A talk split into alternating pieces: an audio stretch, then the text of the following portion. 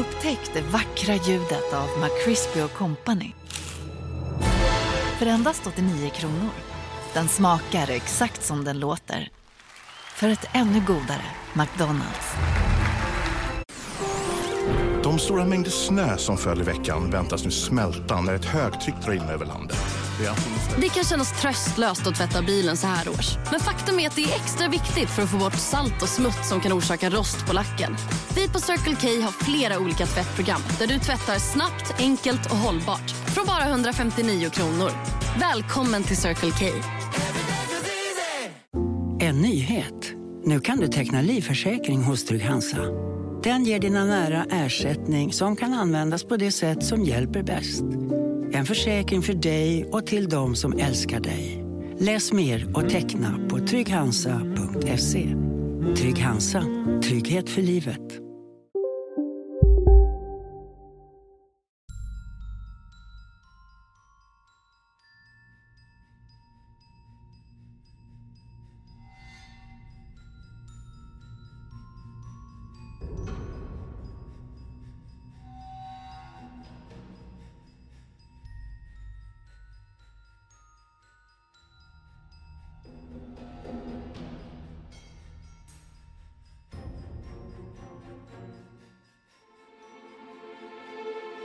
Det var den 22 maj 2017 som den då 22-årige Patrik Linfeldt steg av tåget i Hallsberg och försvann.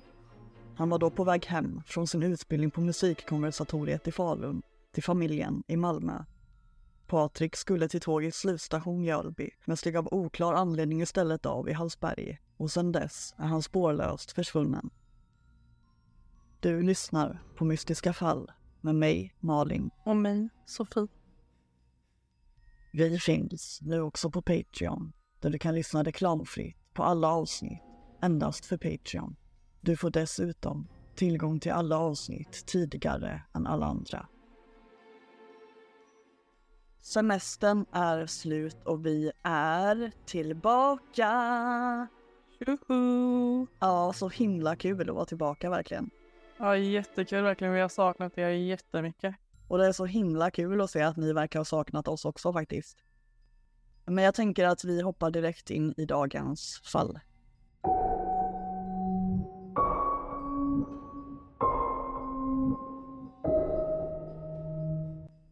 Ja, men vi ska ju prata om Patrik Linfeldt idag.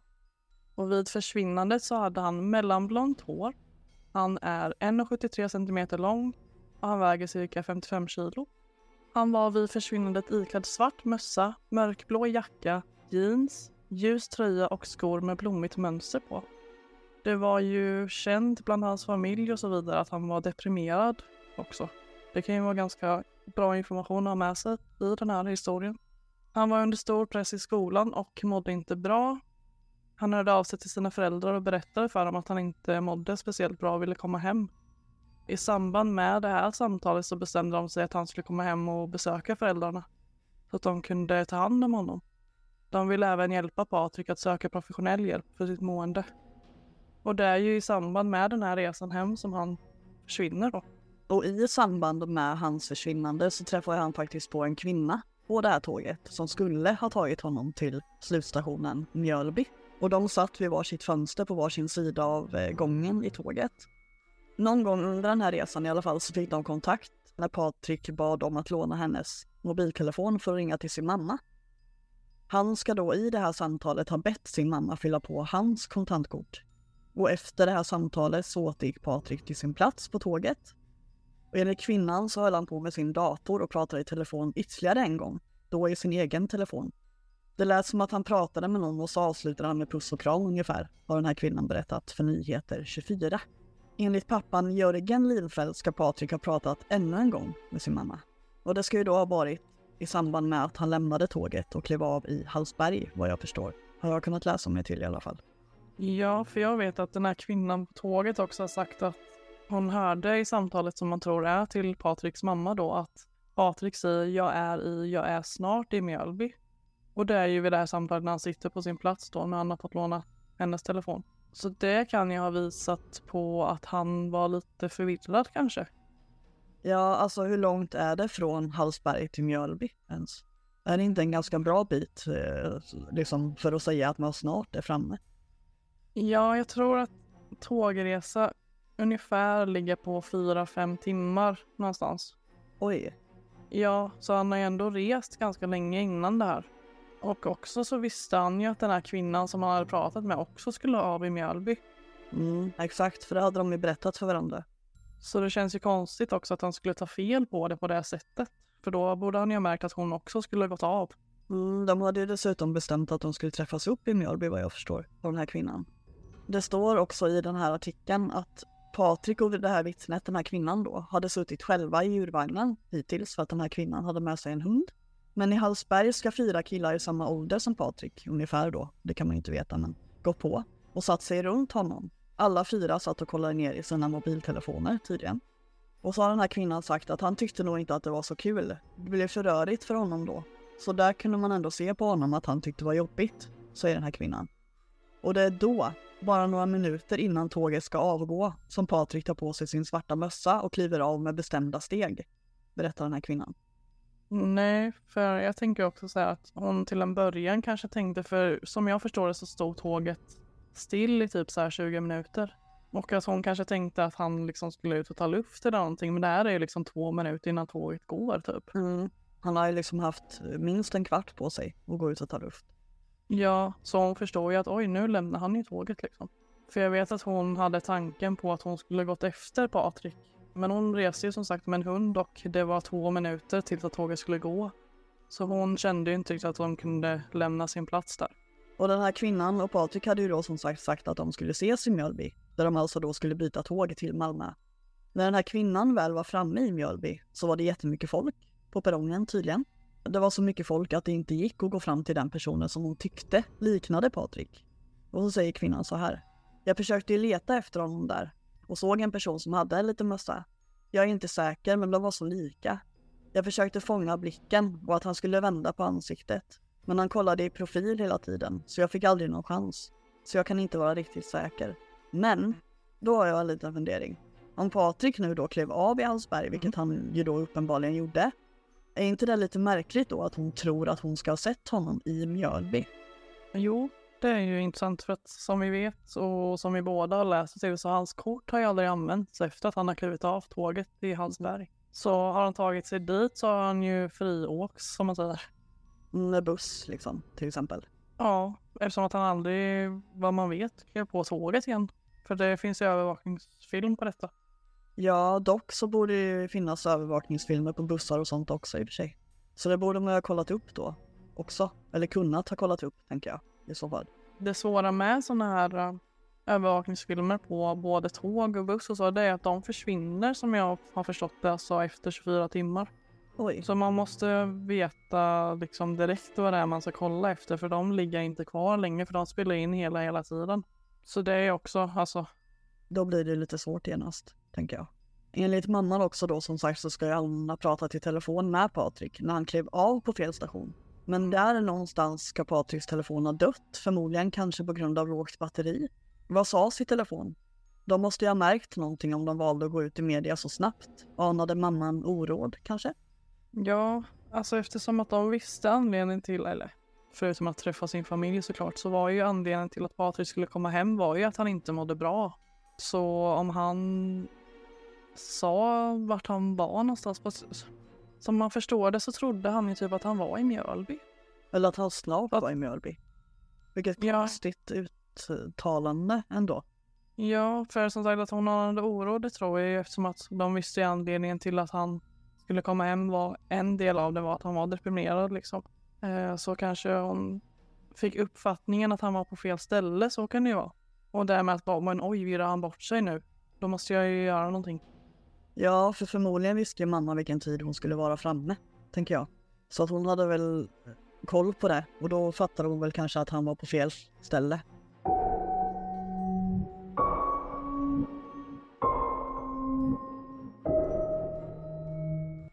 Jag tänker också att jag kan gå igenom lite iakttagelser som har gjorts i samband med att snart liksom efter Patriks försvinnande. Tisdagen den 6 juni, det här är alltså då, ja vad kan det vara, en och en halv vecka ish efter att han försvann. såg någon en ung man sitta vid en busshållplats i Köping. Den unga mannen ska tydligen ha varit i dåligt skick. I efterhand insåg iakttagaren att signalementen kan ha motsvarat Patrik Lindfeldts.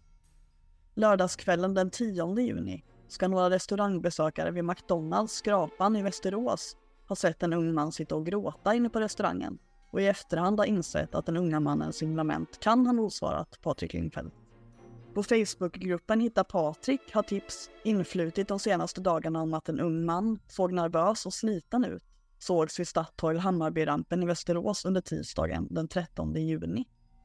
Det har lett till att tiotals, kanske hundratals människor varit ute på olika platser i främst västra delarna av Västerås med omnejd under natten till onsdagen, utan resultat då.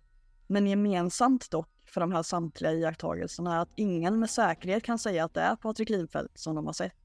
Ingen har heller gått fram till den personen de iakttagit och pratat med vederbörande. Inte heller kontaktat polisen, som man ska göra då, vid tillfällen när läget är akut och personers liv och hälsa är eller kan vara hotade. Det gör mig orimligt arg faktiskt. Ja, jag har också lite iakttagelser och det är samma sak där. Det är liksom ingen som har gått fram till personen de har sett. Nej, alltså okej okay, om man inte vill göra det kanske, det är ju ändå förståeligt, men åtminstone ringa polisen när man eventuellt ser en efterlyst person. Ja, det tänker jag också. Som sagt, jag köper som du säger att man kanske inte vill eller känner sig bekväm i att gå fram till någon så. Men att man ringer till polisen och håller ögonen på personen hela tiden under tiden man pratar med polisen. Jag har den här personen eventuellt framför mig. Kom hit. Liksom. Eller typ, jag var på McDonalds och jag såg en kille som kan stämma in på Patrik Linfeldt. Jag vet inte vart han är nu, men jag, jag tror att han kan ha varit här. Till exempel. Då har man ju ändå en plats, tänker jag. Ja, precis. Men sen också att någon har sett någon som sitter och gråter. Eller jag vet inte om det är bara jag som har lite för mycket hjärta, men alltså att man inte går fram till en sån person. Bara fråga, alltså det är en sån enkel fråga. Fråga hur är läget egentligen? Behöver du något? Det kan ju vara livsavgörande för vissa. För eh, Missing People gjorde ju inlägg när Patrik försvann och de har ju även gjort sökningar efter Patrik. Men inte heller de har ju liksom kunnat hitta någonting överhuvudtaget. Och de har ju fått in tips. Och även om de inte ledde någonstans så tänkte jag att det kan vara intressant att ta del av eh, några av dem i alla fall. Så de har ju fått in tips här, bland annat att flera personer har gett tips om att de sett Patrik nära en tunnel i Hallsberg. Många av de som lämnade dessa tips var helt säkra på att det var Patrik de hade sett. Och det är också, som du säger, intressant att ja, då ringer man Missing People istället. När sa du att det var? Hur långt efter hans försvinnande? Jag vet, jag vet faktiskt inte tidsmässigt, men alltså som jag har förstått det så är det bara någon dag efter att han försvann liksom. Och också att de säger att de är helt säkra på att det var han. Och de hade inte gått vidare med den informationen förutom till Missing People. Nej, precis. Det är det som är frustrerande här också, att ring polisen direkt. Åh, oh, ja, man blir så... Ja, jag vet. Jag blir också, när jag läste det, jag blir också arg alltså. Ja, människor, människor, människor säger jag bara. Civilkurage hörni. Hörni, verkligen. Och ett annat tips som också kom från flera personer är att de har sett Patrik i Göteborg två veckor efter hans försvinnande. Ett av tipsen därifrån kommer från en tågvärd som har sagt att hon har pratat med Patrik själv. Att personen upplevdes som förvirrad. Den här tågvärden hade nämnt någonting när hon hade pratat i förhör som även föräldrarna då fick ta del av sen. De, hon hade nämnt någonting som gjorde föräldrarna helt säkra på att det var Patrik det handlade om. De var så säkra på det att de själva åkte till Göteborg för att leta efter Patrik. Dock som sagt utan någon framgång då. Den här personen, som jag förstår den här tågvärden, den här personen har i alla fall ringt både Missing People och polisen. För att den personen har ändå stått och pratat med den som hon tror är Patrik. Men det är också intressant, vad var det hon nämnde som gjorde att föräldrarna bara, det där var Patrik? Det har man tyvärr inte fått veta. Det hade varit väldigt intressant att veta. För som sagt att de liksom var så säkra att de själva åker till Göteborg för att leta. Då är man ganska säker. Men det finns ju också lite saker som jag i alla fall tycker är lite konstigt med det här tipset. Och det är alltså, det här tipset kommer från en tågvärd. Alltså var Patrik ombord på något tåg eller pratade hon med honom någon annanstans runt ett tåg? Alltså det kan man ju anta då. Och då den första grejen som jag tycker är lite märklig här. Om personen upplevdes som förvirrad som hon säger då. Varför spenderade man liksom inte mer tid med personen för att få en bild av vad som har hänt? Att man inte tar sig liksom den extra tiden att okej, okay, men sätt dig ner här så ska vi försöka lösa situationen. Vad är det som har hänt? Den andra saken. Mm. Såg tågvärden kanske inte på en, alltså för det blev väldigt stort mediapådrag kring Patrik när han försvann. Så har liksom inte tågvärden sett på nyheterna eller på Facebook eller på Missing People och liksom kunnat direkt känna igen att det här är han. Nu menar jag inte att alla sitter klistrade liksom i Facebook, men han fick väldigt, alltså det står i tidningar och så. Mm. Hur mycket som helst. Ganska svårt att missa. Och sen är det ju det som vi pratade om lite innan, att det finns ju kameror på stationer också, också tåg då. Om de nu misstänkte tidigt efter det här samtalet hade hänt att det var Patrik hon hade pratat med. Varför går man inte igenom kamerorna helt arg också? Ja men vad fasiken. Man tappar ja. hoppet om mänskligheten ibland. Ja, för att den här personen reagerade ju direkt på att det här kan vara Patrik. Och även om man har det här tidsspannet på att övervakningsfilmer försvinner, så då, alltså det här hände ju i ett tidigt skede. Kolla på dem direkt. Vad fan? Helt arg. ja, för, för, ja, alltså när man ser det här utifrån så blir man så frustrerad bara för det känns som det är så mycket mer som hade kunnat göras. Ja, det känns som att det var otroligt mycket som missades liksom. Som vanligt. Det har vi stött på innan du och jag. Mm, har vi? Ja. Det känns som ett väldigt gånger. mycket igenkänningsfaktor här ja. Genomgående grej liksom i alla fall vi drar upp känns det som. På ett eller annat sätt. Exakt. Men sen också hela den här tågvärldsgrejen då om vi går tillbaka till det. Det är ju väldigt mycket utrymme för ännu en fråga nu. Hur tog sig Patrik till Göteborg? Hans, hans kort eller telefon har inte använts sedan han försvann. Och det första jag kan tänka då, okej okay, han kan ha lyftat med någon. Men fortfarande, om det här är två veckor efter att han försvann, gjordes den här iakttagelsen. Och han kan inte ha varit i bra skick. Två veckor i samma kläder. Han har inte använt sitt kort, han har inte använt sin telefon. Han kan inte vara i bra skick då, då reagerar man på det. Och efter två veckor bör man och ska man ha sett någonting om den här killen. Det tänker man ju i alla fall. Så att han obemärkt går förbi människor två veckor efter att han har försvunnit, det tror inte jag ett skit på. Alltså ursäkta. Det tror inte jag heller. Det finns alltid någon som kommer reagera, alltid. De här iakttagelserna som jag pratat om, alla de är så himla, som ni märker, väldigt frustrerande. Ja, men alltså på tal om de här övervakningsfilmerna som man tycker borde finnas lite överallt då. När vi ändå är inne på mm. det. Så finns det ju faktiskt en släppt övervakningsfilm från den här dagen när Patrik klev av i Hallsberg. Som de gick ut med då att det här är Patrik. Men har man sett den videon så ser man att kvaliteten är ju inte 1080 direkt. Snarare 240. det, skulle, det skulle kunna vara precis vem som helst om man säger så. Det enda som jag tänker att man kan koppla att det faktiskt är Patrik, det är ju alltså till största del den här kvinnan på tåget då. Hon är ju den enda egentligen som har lagt märke till honom och att han kliver av. Så här säger i alla fall polisen om den där övervakningsfilmen som ligger ute för allmänheten att titta på fortfarande om man skulle vilja. Vi kan ju länka den också, tänker jag. Polisen och de många frivilliga fick förstärkning av helikopter och hundpatruller men inga spår hittades. Det visade sig att övervakningsfilmen från Hallsbergs station var av för dålig kvalitet. No shit Sherlock. Ingen annan film därifrån har hittills givit resultat. Ni, kan ju, ni som lyssnar, ni kan ju tänka er så här när vi dyker ner i allt det här, hur galna vi lär bli mm. efter hundra avsnitt. Det är ett Tänk att man har ett hårstrå kvar på huvudet kan jag säga ibland. Det är det verkligen. Det är lite den nivån ändå.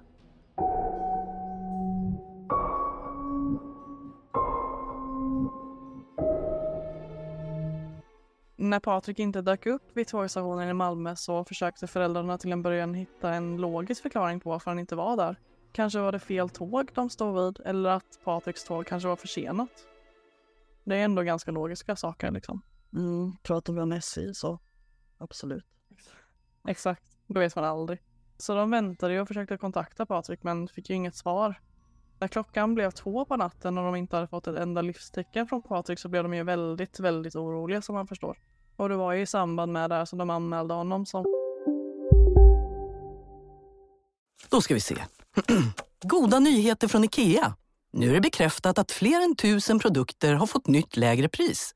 Som till exempel soffor, skåp, stolar, ljuskällor, sängkläder, kuddfodral, bord, vaser, köksredskap, byråer. Vill du ha fler goda nyheter? Välkommen till IKEA och IKEA.se.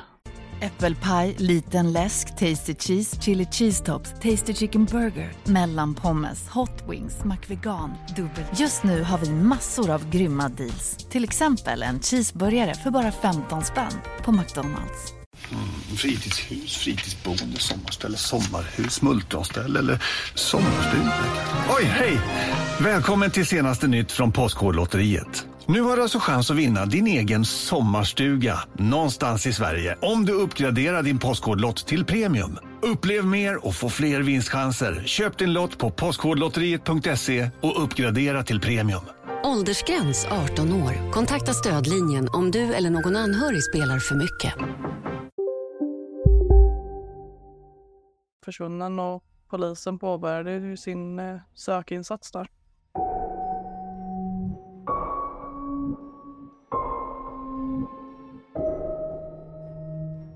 Patrik hade ju också med sig på den här resan eh, två väskor, eh, vad jag förstår.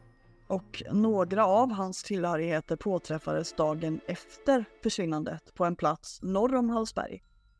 Om han då, eller någon annan, har lagt dem där är ju okänt. Det kan man inte svara på. Man hittade hans väskor som han ska ha haft med sig, men plånbok och telefon ska ha varit borta, som han då förmodligen hade med sig. Väskorna ska också ha hittats på olika ställen. En på måndagen efter att han försvann och den andra på ett annat ställe på tisdagen efter att han försvann. Märkligt kan jag tycka om man själv skulle ha lämnat väskan nummer ett på ett ställe, gått vidare utan den, för att sedan lämna nästa väska dagen efter. En av de här väskorna ska ju också ha innehållit hans dator. Det kan ju den här kvinnan vittna om då, som såg att han hade mm. sin dator. Fortfarande låg kvar i väskan. Vilket då tycker jag minskar ju möjligheten för ett eventuellt personrån åtminstone. Ja, precis. För vad man kunde se på de här väskorna, alltså det var ju ingen av dem, alltså det, ingen har ju liksom försökt ta sig in i de här väskorna.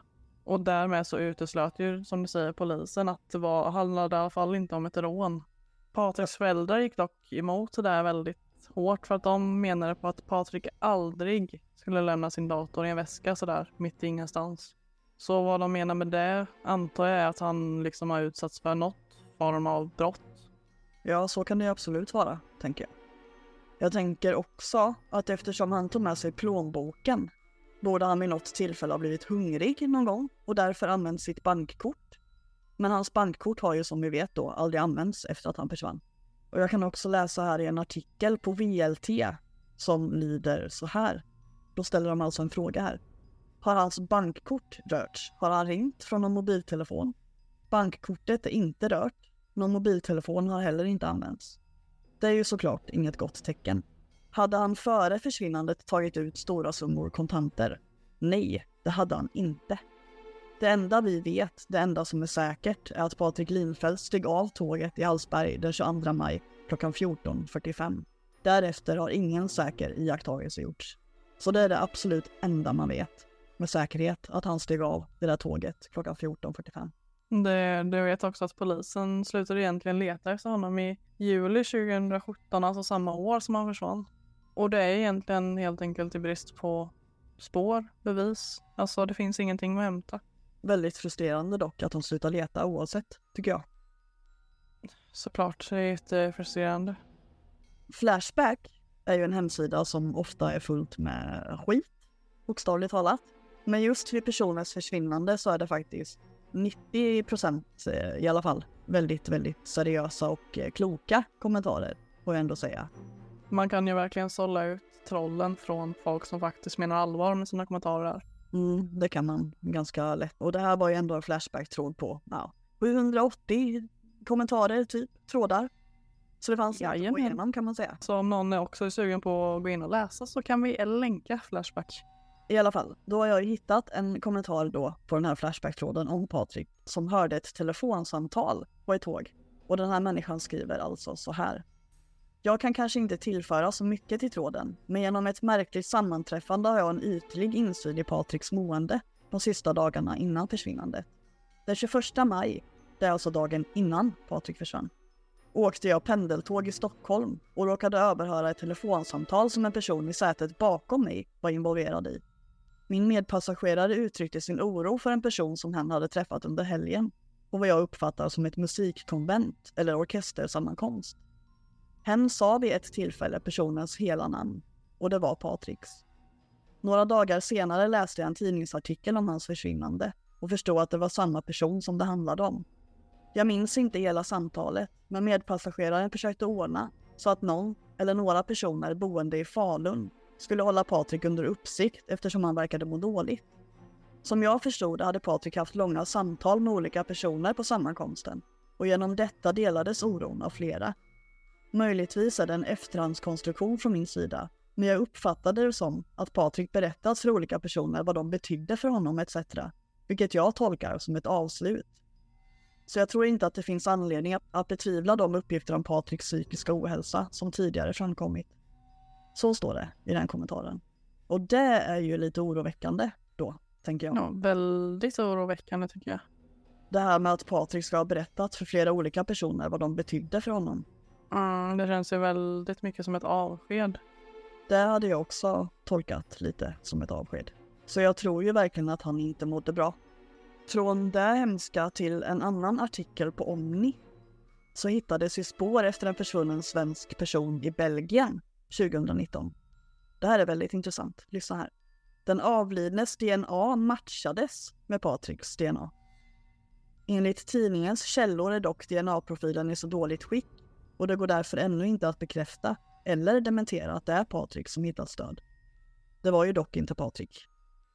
Men hur fasiken kan DNA indikera att det kunde röra sig om samma person om det nu inte var Patrik?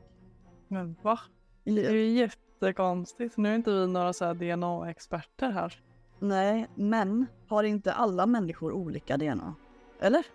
Det har vi ju. Det är det som gör oss unika. Vi är så unika. Mm, eller har jag ett DNA som delvis Känner någon annan? med någon i Kina till exempel? Det hoppas jag verkligen inte. Om den personen fuckar upp alltså, nej. Nej men ja, jättekonstigt bara. Ja, det är faktiskt jättemärkligt. Det får man ändå säga. Ja, det var bara en liten så här side track som jag ville nämna ändå. Ja, det är ganska viktigt att nämna tycker jag. Och nästa grej är ju då att Patrik faktiskt dödförklarades den 8 september 2022. Ingen kropp har hittats, men han har ändå plockats bort ur liksom registren och sånt. Nu kommer vi också till något väldigt intressant.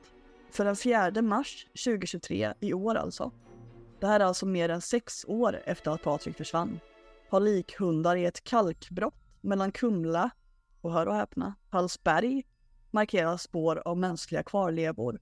Men trots det har polisen avbrutit sökandet efter Patrik. Patriks pappa Jörgen säger vi har fått tjata på polisen att söka där hundarna markerat och där polisens hundar dessutom också till slut markerade. Ändå avbryter de sökandet. De säger att de inte har resurser, att det är väldigt djupt på platsen och att mycket dumpade föremål och dålig sikt gör det riskfyllt att dyka vidare där. Så, ingen vet alltså om det är Patrik som ligger där. Men jag bara suckar, alltså, ja. Som så många gånger förr. Blir väldigt frustrerad här. Det blir man baske mig alltså. De kan hålla på och prata om att de inte har resurser och hit och dit. Men alltså det här är kanske det närmsta spåret de kommer. Patrik. Mm, alltså det är likhundar som har markerat kvarlevor, mänskliga kvarlevor i det här kalkbrottet. Som dessutom ligger mellan Kumla och Hallsberg. Det är typ 41 minuters promenad halva den vägen. Alltså, det är inte omöjligt att Patrik skulle kunna gå i 40 minuter. Verkligen inte. Och även om det inte är Patrik så är det fortfarande en människa. Exakt. Det handlar om. Ja. Då tar man sig tid, då tar man sig resurser. Ja, jag tycker det faktiskt. Men det kanske är lätt för oss att säga som inte jobbar med det, jag vet inte, men det är väldigt frustrerande Såklart. i alla fall. Ja, Klart. såklart. Det är säkert jättesvårt, eller jättelätt för oss att sitta och säga så här. Men när man ser det utifrån, man kan inte bli annat än förbannad alltså. De säger ju då också här att det är dålig sikt och jada, jada, jada. Jag kan ju lägga upp en bild från det här kalkbrottet med en dykare, bara för att ni ska få se om det nu eh, ser ut att vara så dålig sikt till exempel. Mm. Så det ligger också i beskrivningen. Ni kan titta på. Väldigt frustrerande som sagt. Jag tror inte att det är Mm. ett enda avsnitt vi har gjort hittills i den här podden som inte har lämnat mig fruster- frustrerad. Jag tror inte heller det faktiskt. Det är mycket sådär, antingen så har det varit sådana här saker eller så har det varit saker som man inte kommer få svar på. Typ oförklarliga ljud liksom.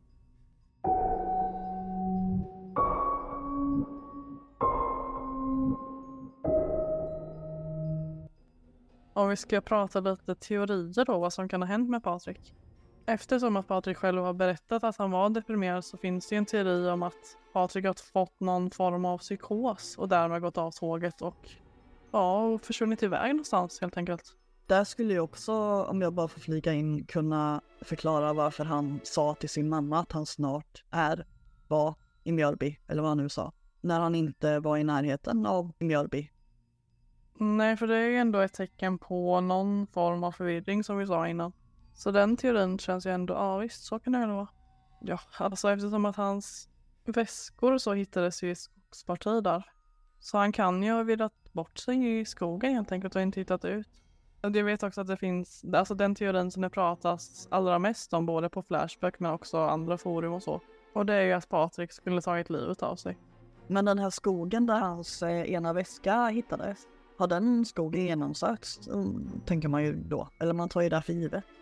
Vi har tagit i saker för givet innan här som absolut inte har tagits för givet enligt eh, polis va. Men eh, det antar man ju verkligen om det har hittats väskor till och med. Utspridda dessutom. För jag antar att den här teorin om att han skulle tagit livet av sig den kommer ifrån att han var deprimerad. Och det är egentligen en ganska enkel slutsats att dra ifrån den informationen. Och om man kopplar ihop det med det här telefonsamtalet som den här människan på Flashback blev vittne till. Där Patrik då ska ha gått runt till människor som sagt och berättat hur mycket de betydde för honom och sånt. Ja, Kopplar man ihop det tillsammans med hans depression och eh, psykiska mående så känns ju självmord inte jättelångt bort, tyvärr. Mm, Nej, precis. Det är den som gör att man blir lite sådär. Ja, det är väl egentligen den teorin som jag själv tror. Fortfarande, även om han har tagit livet av sig. För som det verkar då så har han ju rört sig någonstans i skogen. Så hans, hans, hans kropp finns ju fortfarande någonstans. Kanske i ett kalkbrott mellan Kumla och Hallsberg kanske? Sen vet jag också en teori, alltså en teori kan ju vara att han har lyftat med någon. Ja, alltså att det har hänt någonting där, att personen kanske inte var så trevlig som Patrik först trodde. Man vet ju, alltså, ingen vet någonting och det är ju det som är grejen med alla de här fallen. Det är ingen som vet någonting.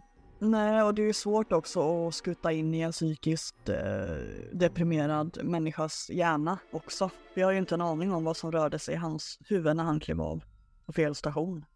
Nej, precis. Man har ingen aning hur det såg ut i hans huvud. Det kanske var jätterörigt för honom. Han kanske var jätteförvirrad som folk har uppgett att de har sett honom. Vad tror du själv har hänt? Nej, som jag sa, det, den lättaste slutsatsen att dra är att han har tagit livet av sig. Vad tänker du? Ja, alltså jag är nog inne på samma spår, tror jag. Jag tycker ju att de ska fortsätta att utforska det här kalkbrottet helt enkelt. Precis, vi pushar för det här nu. Mm, verkligen. Alltså det som jag tycker är jättefrustrerande med hela det här det är att han, han var deprimerad då han skulle hem till sina föräldrar. Alltså för hans föräldrar, de hade säkert kunnat hjälpa honom på något sätt. Ja, på något sätt åtminstone. Alltså han var några timmar ifrån sina föräldrar. Nu är det ju såklart eh, kanske tyvärr väldigt svårt att hjälpa en psykiskt eh, sjuk, eh, deprimerad människa, men på något sätt Klart. kan man ju ändå hjälpa. Liksom. Man kan ju inte få bort de här demonerna, men man kan ju ändå på andra sätt. Finnas där liksom på något sätt. Och veta och försöka förstå honom, alltså få honom att förstå att han inte är ensam i alla fall. Det måste ju vara fruktansvärt att vara en familjemedlem som, som inte har en aning om vad som har hänt med sitt eh, eget barn. Det går Mm. inte ens att föreställa sig det.